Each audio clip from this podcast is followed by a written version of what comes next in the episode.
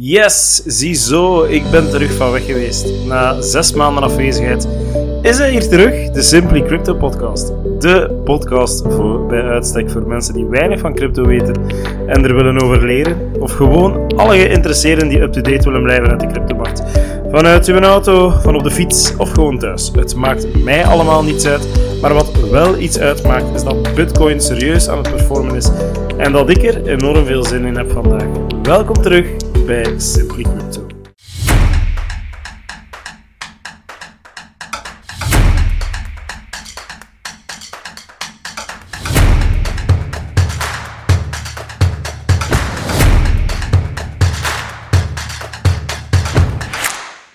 Als erop start, doen we een eerste aflevering rond CryptoBus. Met als nut jullie eigenlijk up-to-date te houden rond het laatste in de cryptowereld. Ik had twee keuzes. Of ik maak een super lange aflevering om de zes maanden aan schade in te halen. Of ik beperk mij tot het brandende actuele, los van wat er zich de afgelopen zes maanden heeft afgespeeld. En dat ga ik ook doen. Ik ga het dus vandaag niet hebben over de goedkeuring aan Bitcoin ETF's, over waarom Gary Gensler nog steeds een douchebag is, of waarom de XRP-case of de Ripple-case nu nog steeds niet van de baan is. Maar ik ga het wel hebben over waarom Bitcoin zichzelf naar de maan katapulteerde en waarom Coinbase dacht, dat gaan we even niet doen, back to earth you fool. En ook de Bitcoin halving staat op programma. Daarnaast leg ik ook graag nog wat persoonlijke klemtonen over de cryptowereld, maar ook nog wat meer over de podcast zelf. Want we behouden het format niet te lang, hopelijk net lang genoeg om je schoonmoeder te ontlopen wanneer nodig. En ik hoop dat je toekomt met een klein kwartiertje. Geen beter gevoel op aarde toch als je naar je crypto wallet kijkt en je ziet die stijgen. En je ziet dat er opeens heel wat percentages winst aan toegevoegd zijn. Dat is exact hoe dat ik me gisteren voelde op een bepaald moment. Maar een half uur later maakten we kennis met zoiets typisch binnen de bull market. Een uh, typisch bull market fenomeen, namelijk dat een boel gewoon opeens kan in elkaar stuiten. Voordat we starten, met waarom dat die stijging van vandaag op gang kwam, voor de hele markt, en waarom Coinbase het verprutste voor miljoenen mensen, moet ik nog even stilstaan bij de halving.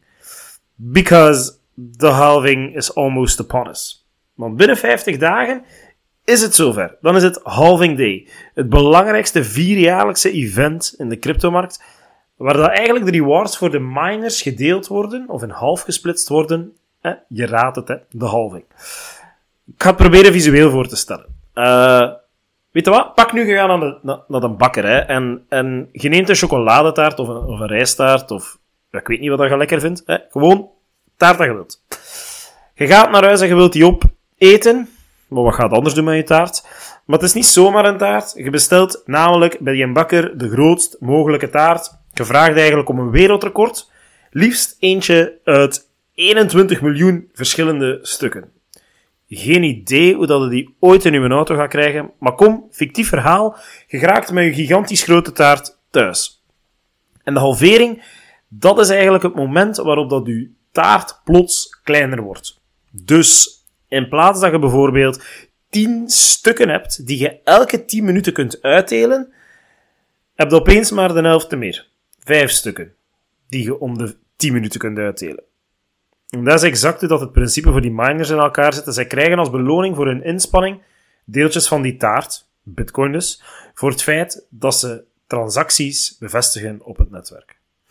En zo, zoals ik al eerder zei, vindt om die vier jaar dus die halvering van bitcoin plaats, waarbij dat de beloning dus maar de helft meer is van wat dat ze ervoor was. En het idee daarachter is super simpel.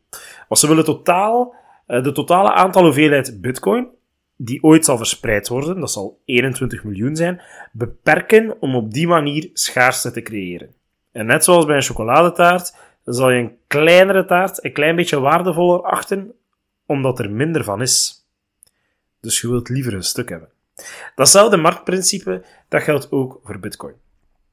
Maar bij bitcoin is het verschil dat er niet gaat vechten om een stuk taart bij u in het gezin, maar dat die impact globaal is.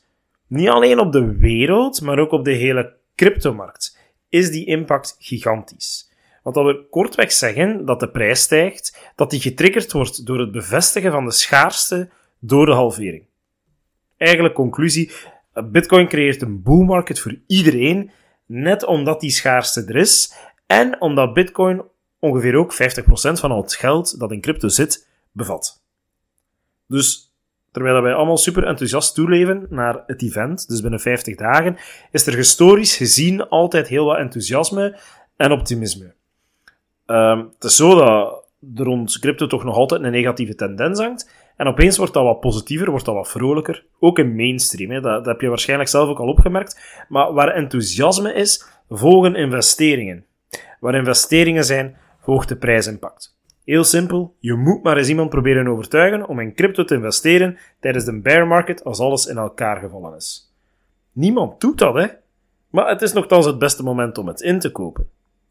En als het naar omhoog gaat en het komt in de mainstream media, dan zeggen ze: ah ja, we gaan inkopen. Natuurlijk, als de prijzen veel hoger zijn, de meerwinst die je kunt creëren is veel lager. Dus ook op, op globaal vlak is dan een impact die niet te onderschatten is.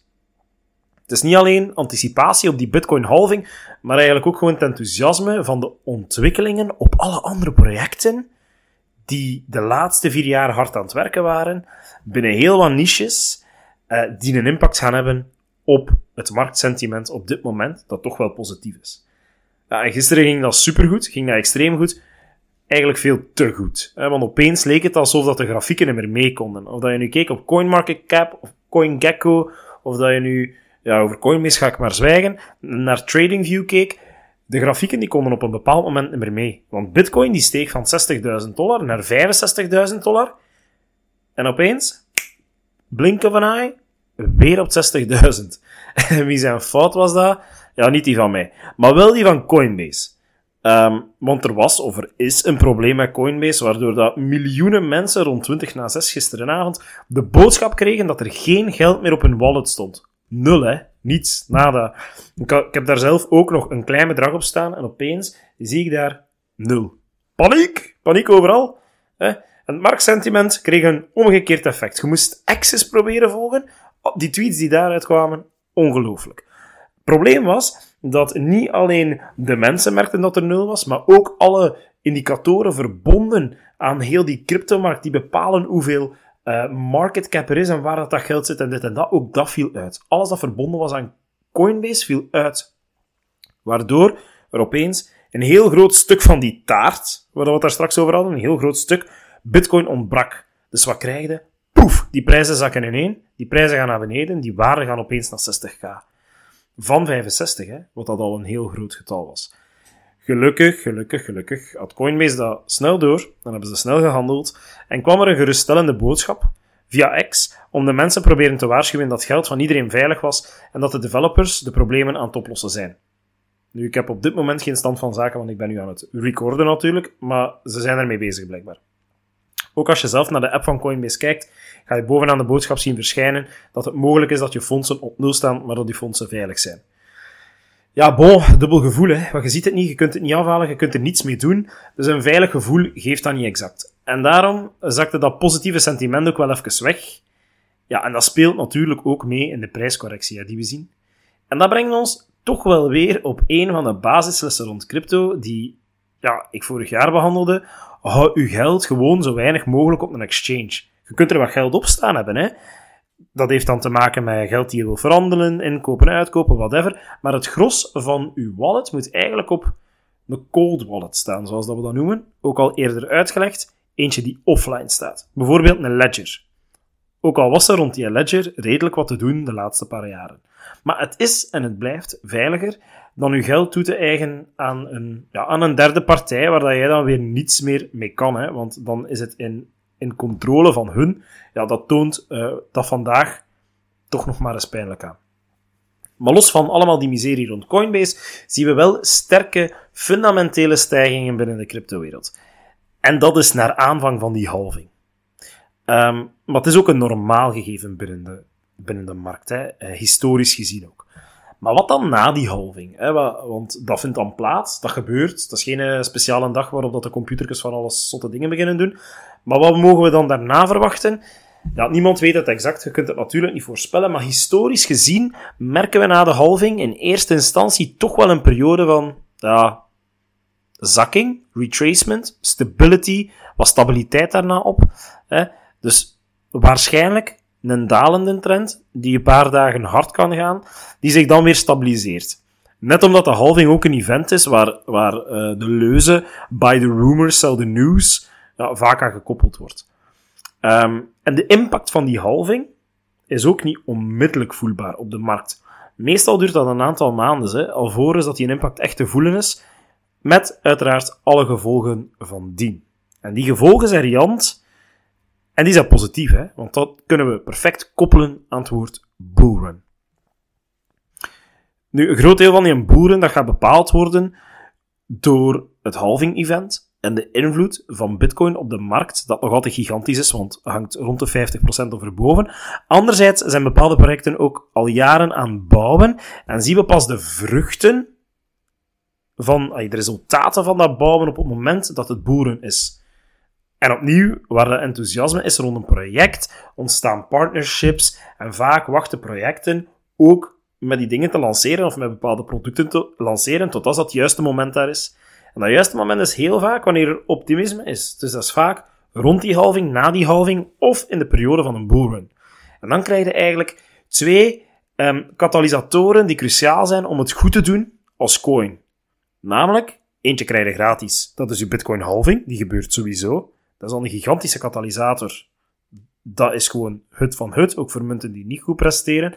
Maar de tweede is afhankelijk van project per project en is het resultaat van het harde werken in de bear market. Vandaar dat sommige projecten als een raket in de lucht schieten, met mogelijk gigantische winsten tot gevolg. En in een bull market kan dat echt, ja, dat kan bijna niet te overzien zijn. Hè?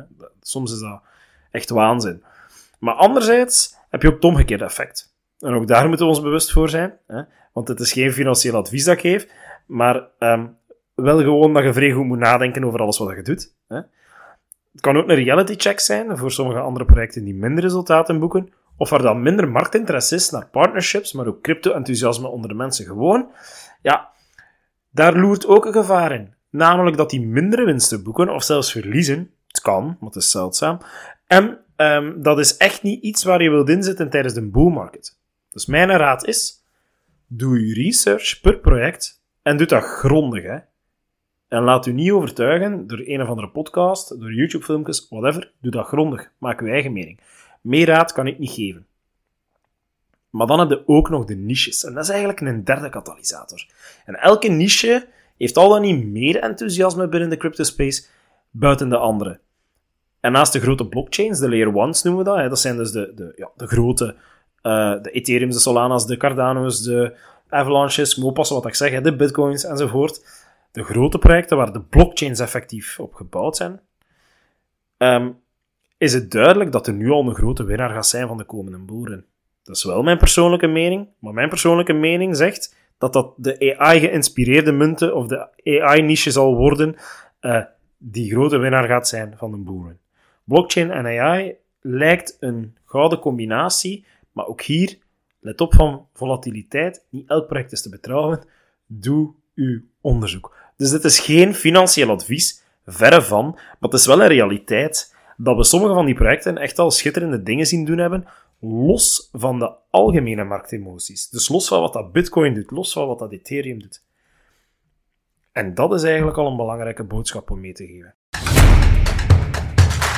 ik vind eigenlijk, als eerste aflevering nu, na de heropstart, meer moet dat eigenlijk niet zijn, aangezien gisteren wel uh, super spannend was, uh, gaat vooral ook uitkijken zijn naar de komende weken. Wat ik wel al kan doen, is de volgende aflevering aankondigen. En dat vind ik persoonlijk een interessante, anders zou ik hem ook niet brengen. Maar de bedoeling is om basisinfo te geven over een aantal uitkoopstrategieën. Dus niet inkopen, maar uitkoopstrategieën die je kan gaan toepassen voor wanneer dat die boeren zich op volle snelheid bevindt. Um, en dan nog los daarvan heb ik met de podcast ook nog wat andere plannen. En misschien wordt dat wel tijd om dat eens te delen met jullie. Enerzijds ga ik proberen om in de loop van de komende maanden een website te lanceren, waarbij dat je toegang krijgt tot basisinformatie, maar ook verdiepende informatie. En hoe dat dan luik van die verdiepende informatie in elkaar zal passen, of dat al dan niet betalend zal zijn, of hoe dat exact in elkaar zal zitten, dat ga ik later nog uitleggen. Maar ik wil mij ook offline tot de mensen richten en beginnen introductiesessies geven rond crypto. Dus als je dat iets interessant vindt, spreek mij zeker aan, want ik wil ook gewoon weten of daar op dit moment draagkracht voor is. Er bestaat zoveel op dit moment, maar vaak veel te veel geld en te weinig kwaliteit. Ehm, dus dat kan beter. Maar ook de podcast. Die gaat gewoon blijven lopen. Ik hoop dat, dat we nu echt opnieuw vertrokken zijn en voor een hele lange periode.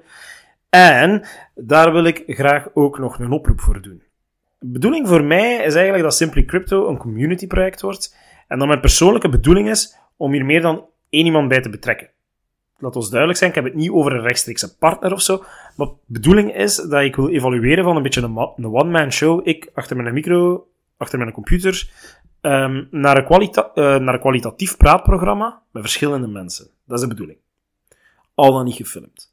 Dus mijn vraag is, als jij denkt dat jij een positieve bijdrage kan leveren, uh, of gewoon eens een gesprek hebben met mij over crypto, zoals ik ook talks met andere mensen heb gehad in dat eerste seizoen, hè, um, meer dan zes maanden geleden, um, en je wilt graag als praatgast hier gewoon eens langskomen en met mij in gesprek gaan, laat me dan zeker iets weten via Instagram. Hoe alles exact in elkaar gaat passen, dat ben ik volop nog aan het uittekenen, um, maar er wordt wel aangewerkt. En dat gaat natuurlijk ook samenlopen allemaal met de release van de website. Um, en ik hoop om dat te kunnen triggeren op het ideale moment ook, ook rond die periode van de halving, dus 50 dagen. Voilà, de eerste van 24 zit erop. Die heeft even geduurd, bijna drie maanden. Maar uh, vanaf nu probeer ik gewoon opnieuw op uh, kruissnelheid te geraken. Dus het laatste dat ik nog dien te zeggen is: als je het informatief vond, um, of als je het gewoon aangenaam vond om naar te luisteren, dan apprecieer ik het echt wel als jullie feedback geven. Rate de podcast gerust, waar je hem ook volgt. Volg mij op socials. Ik ben voornamelijk op Instagram bezig op dit moment. Um, maar andere kanalen zullen wel uh, uitbreiden. En deel de podcast gerust om uh, ook meer mensen te bereiken. Mensen van wie dat je denkt van kijk, um, jij weet niets van crypto, goed, maar je zit er wel geïnteresseerd in, of je gelooft me niet wat ik je allemaal vertel, geef het gerust door. Zo kunnen we misschien samenwerken aan een hyperbull market voor. Ciao en tot de volgende.